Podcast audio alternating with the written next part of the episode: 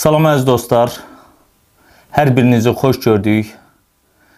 Hər birinizi salamların ən gözəli ilə salamlayıram. Rəbbim gününüzü, ömrünüzü xeyirli, sağlam və bərəkətli eləsin. Dostlar, bu günlərin bir mövzu haqqında söhbət eləmək istəyirəm. Bu mövzu ilə bağlı başlamamışdan əvvəl gəlin birlikdə bir videoya qulaq asaq, dinləyək, ondan sonra həmin mövzumuzu davam edək. Yalnız otaqlardan birindəki rəfin üzərində olan Quran kitabı və divar saatının üstündəki Quran ayəsi yanmayıb. Alovun içindən namaz şeyləri bir dənə də bu Qurani Kərimi böründən alov bir damcı keçməyib. Bax bunlar salamat qalıb, bunlar çıxıb. Vəssalam. Maraqlısı isə odur ki, yanğın zamanı evdəki bütün əşyalar yansa da, müqəddəs Qurana yanğın heç bir təsir etməyib. Yarıyanmış çamadanın içində olan müqəddəs kitabın bir səhifəsi belə yanmayıb. İlkin ehtimala görə yanğının baş verməsinə səbəb evdəki elektrik naqillərində baş vermiş qısa qapanma. Otaqlarda hər şey yanıb külə dönsə də, Quran yanmayıb. Bu qeyri-adi hadisə Lənkəranda yanğın zamanı baş verib və yanğın söndürənləri təəccübləndirib. Nə qədər ev əşyaları ilə birlikdə yanıb. Yanğının böyüyərək qonşu evlərə keçməsinin qarşısını alan yanğın söndürənlər hadisə baş vermiş evin divarında asılmış vəziyyətdə olan və yanğında zərər görməyən Qurani-Kərimi aşkarlayıb. Müqəddəs kitab yanmış evdən çıxarılaraq sahibinə təqdim qardaşlar, bu İsmail qardaşın dükanıdır. Allah canını sağ eləsin, yanan təkin mal olsun. Qardaşımın dükanı yanıb. Allaha qurbandır. Deyir ki, həqiqətən də Allah kəlamı olan yerlər qorunur və saxlanır. Kitablara heç nə olmuyor. Qardaşımın dükanında olan kitablar hamısı salamat qalıb, hamısı ya. Heç belə yuxarıda Qurandır. Və bunlar heç bir yanmır. Quran-ı Kərim yuxarıdadır. Qalan da qardaşımızın elm aldığı kitablarda heç biri yanmır. Baxın dostlar, bir neçə videodur. Həmin videoda qeyd elədiklərimiz Azərbaycanın müxtəlif kanallarında, müxtəlif vaxtlarda, müxtəlif illərdə çəkilmiş videolardır, video görüntülərdir. Hardasa 5-6 video idi. Ona baxmayaraq, baxın orada hər bir yerində möcüzə kimi təqdim edilir. Ev yanıb, xəsarət alanlar var. Evin içində bir çox şeylər məhv olub, lakin Quranın yanmaması möcüzə kimi təqdim olunur. Amma bilirsiniz ki, məsələ ilə bağlı müxtəlif yerlərdə artıq gündəm olan bir məsələ var.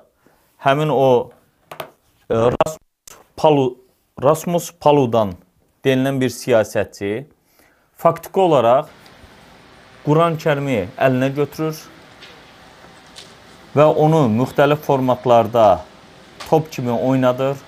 Daha sonra isə bunu faktiki olaraq yandırır. Və bunu da təsəvvür edin təxribat xarakterli olduğu məlum olur. Çünki müxtəlif dünyanın media orqanları, mətbuatda belə bir açıqlamalar getdi. Bəli, bunların bir təxribat olduğunu, çünki İsveçin özünün bu yaxınlarda Türkiyənin razılığı ilə NATO-ya da daxil olacağı bildirilən bir ərəfədə Milli Məclisdə ratifikasiya ediləcək bir dövrdə belə bir şeyin hərəkətə gətirilməsinin təxribat olduğunu qeyd edirlər. Hətta bəziləri də qeyd edirlər ki, bunu bir jurnalistin sponsorluğunda həyata keçirilib. Yəni bütün bu səhnəni o canlandırıb və dünyada belə bir gündəm yaradıb. Amma məsələnin bir görünən tərəfi var, bir də görünməyən tərəfi. Dostlar, indi bu dini etiqad azadlığıdırmı, doğrudurmu, haqdırmı, belə bir şeyə imkan verilməsi mümkündürmü? Demokratiya anlayışı budurmu? Təbii ki, xeyr. Çünki demokratiya anlayışı, söz azadlığı, dini etiqad azadlığı anlayışı faktiki olaraq bu günlərin bir insanın əgər orada özəl həyatı varsa, başqasının dini hisslərinə qarşı təxribat varsa, ayrı seçkiliklə bağlı bir anlayış varsa, özəl həyat anlayışı varsa, bunların heç biri söz azadlığı ola bilməz. Çünki mənim azadlığımın başladığı yerdə sənin azadlığın bitir anlayışı hakim olan bir anlayışdır. Amma məsələnin başqa tərəflərini də qeyd eləmək istəyirəm. Məsələn, bu günlərim e, Amerikanın özündə nifrət cəzası deyilən bir cəzanın olduğunu bilirik. Deyək ki, müsəlmanların yaşadığı bölgəyə, müsəlmanların xoşlamadığı və yaxud da sevmədiyi, haram olduğunu qəbul elədiyi, Quranla da sabit olan donuz başını gətirib atmaları bu nifrət cinayəti olaraq qəbul edilir və bununla bağlı müəyyən maddələrin olduğu qeyd olunur, öz əksini tapıb. Amma bəzi yerlərdə düzdür, bunu qınayırlar, etiraz edirlər, fikirlərini bildirirlər.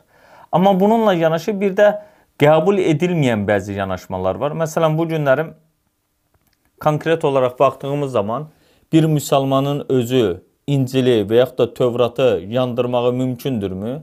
Edirmi? Xeyr etmir. Nəyə görə? Çünki İncilin bu günlərim xristianların əlində mövcud olan həmin o Bible deyilən, Bibliya deyilən, Əhdi Ətiq deyilən, Əhdi Cədid deyilən, ondan sonra həmin o kitabları içində təhrifin olduğunu və insan tərəfindən yazıldığını bilmələrinə baxmayaraq müsəlmanlar bu şəkildə hərəkət eləmirlər. Çünki bununla bağlı Quran-Kərimin konkret olaraq Loğman surəsinin 27-ci ayəsini gətirirlər ki, siz onlara qarşı bu cürə münasibətdə göstərməyin ki, onlar da eyni şeyi sabahlarım sizə qarşı tətbiq eləməsinlər deyə.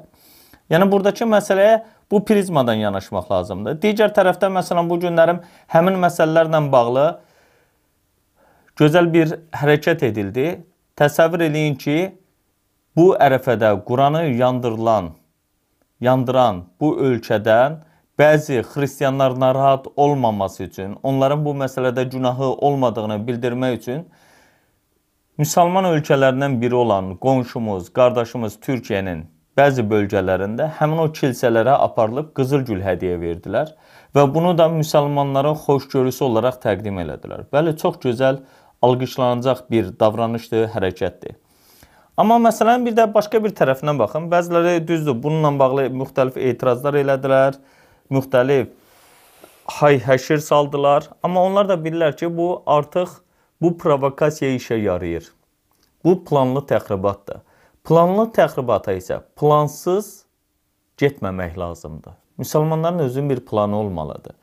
Yəni bir şeyi nəzərə alaq ki, bəli, bu həqiqətən əlimizdə tutduğumuz, Quran adlandırdığımız kitab bu mushafdır. Yəni səhifələrdən ibarət bir anlayışdır. Bunun kağızı ola bilsin ki, Rusiyadan, ola bilsin Ukraynadan, Avropadan və yaxud da Çindən gəlir. Həmin o buradakı kraskaları, rəngləri başqa bir ölkədən gəlir. Bunların o simləri ilə bağlı məsələlər başqa bir ölkədən gəlir. Ondan sonra bunların hamısının çap olduğu aparat Almaniyanın məşhur firmasının aparatıdır. Adını çəkib reklam eləmək istəmirəm. Çünki dünyada faktik olaraq bir nömrədir. Yəni bu yanır. Müsəlmanların və yaxud da bizdə bəzi yerlərdə iddia edildiyi kimi yanmayan həmin o kağız deyil. Yəni biz Quranı gətirib kağızlara məhkum eləmişik. Məsələn, bu günlərin bir salfetkanın üzərinə mən ərəb dilində Fatihə surəsini yazdığım zaman bu Quran mı olacaq? Bu yanmayacaqmı? Yerə düşməyəcəkmi? Yəni müsəlmanlar niyə bu anlayışdan uzaqlaşmırlar? Bu fikirlərdən niyə yaymırlar? Çünki Quran əslində bu günlərim insanların səhifələrə yazılmış kitablardan ibarət olan bir anlayış deyil. Quran bu günlərim Allahın bizə olan göndərdiyi kəlamıdır, ifadəsidir. Yoxsa hərflərə yazılması ilə kifayətlənilən bir məsələ deyil. Ona görə də bu gün yandırıbsa, görür ki, müsəlmanlar etiraz eləyirlər.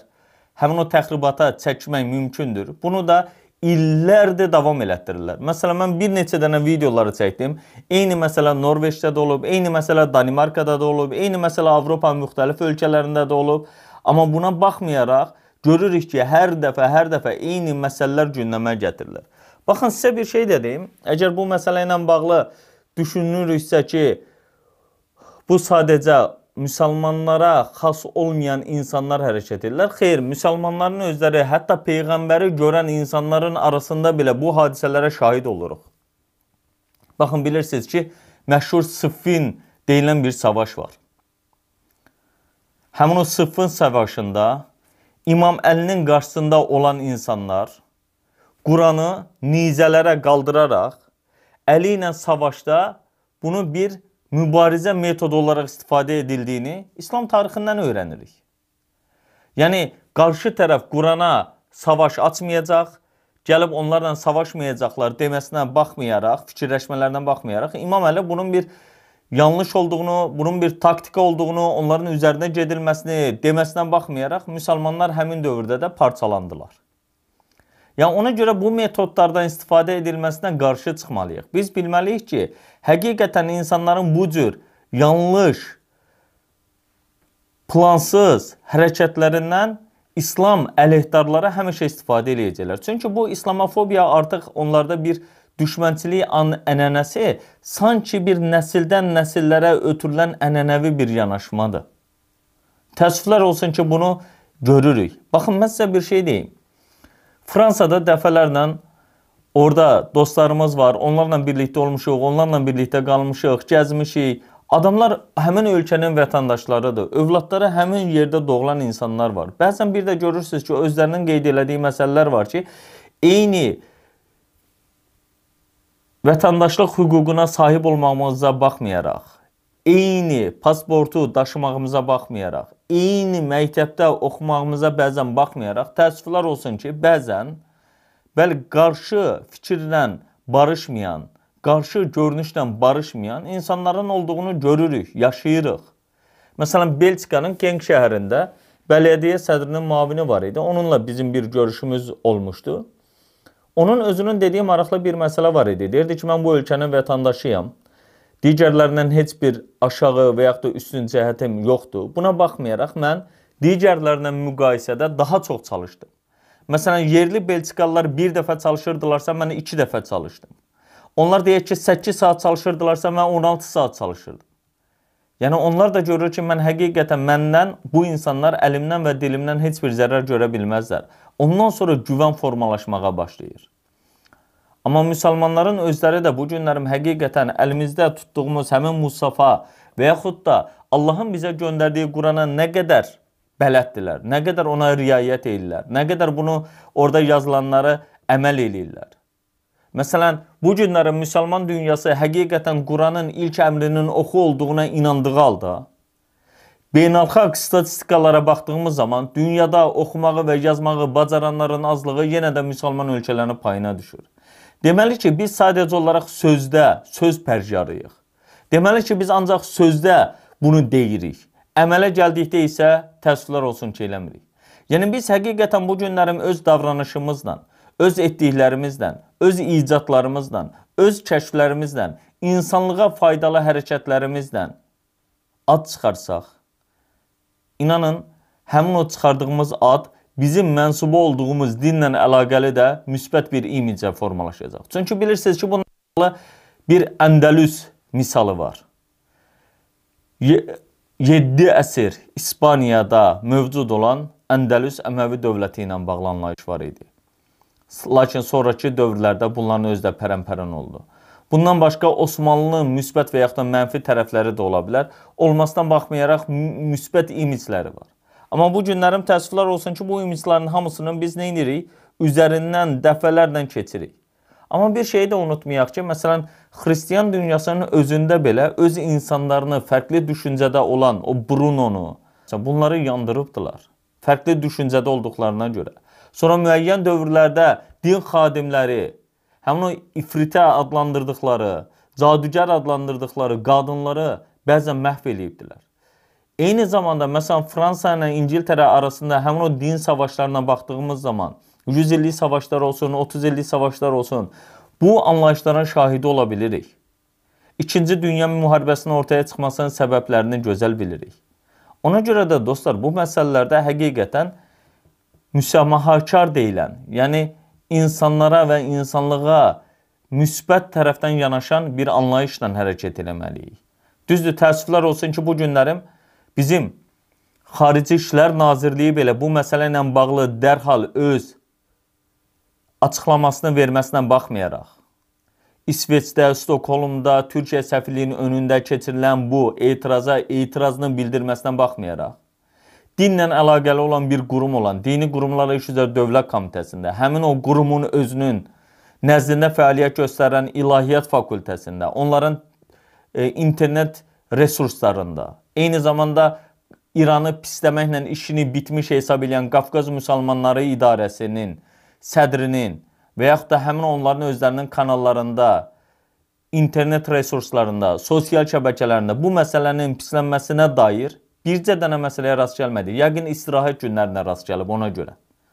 Özləri ayrı vaxt cümə gününü istirahət günü olduğunu iddia edənlər 6-cı bazar gününü istirahət gününə çəkilmiş kimi hesab edib bu məsələ ilə bağlı heç bir açıqlama vermədilər. Yəqin indən sonra verəcəklər. Amma sonradan atılan daş topuğa dəyər misalı var. Ona görə də dostlar bir daha qeyd eləyirəm. Bizim ən böyük əlimizdəki faktor Quran-ı Kərimi əsaslanaraq insanlara qarşı o bəzən belə bir söz var idi.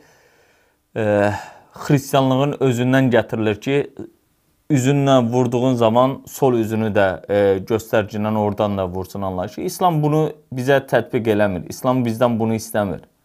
Bağışlamağımızı istəyir, bəli. Amma belə bir provokasiyaya da, təxribata da getməməyimizi istəyir. Çünki müsəlman bəzən belə bir gözəl söz deyirlər, eyni yerdən ikinci dəfə dişlənməz deyə. Amma təəssüflər olsun ki, bu günləri müsəlmanlar eyni təxribata hər il dəfələrlə çəkilirlər. Ona görə də bunun qarşısını almaqdan ötəri ağılla, başla düzgün şəkildə birlikdə hərəkət etməli. Ələ fürsət düşmüşkən Quranla bağlı, Quranın necə bir kitab olduğunu o insanlara açıqlamalı. Quranın düzgün tərcümələrindən istifadə eləməli.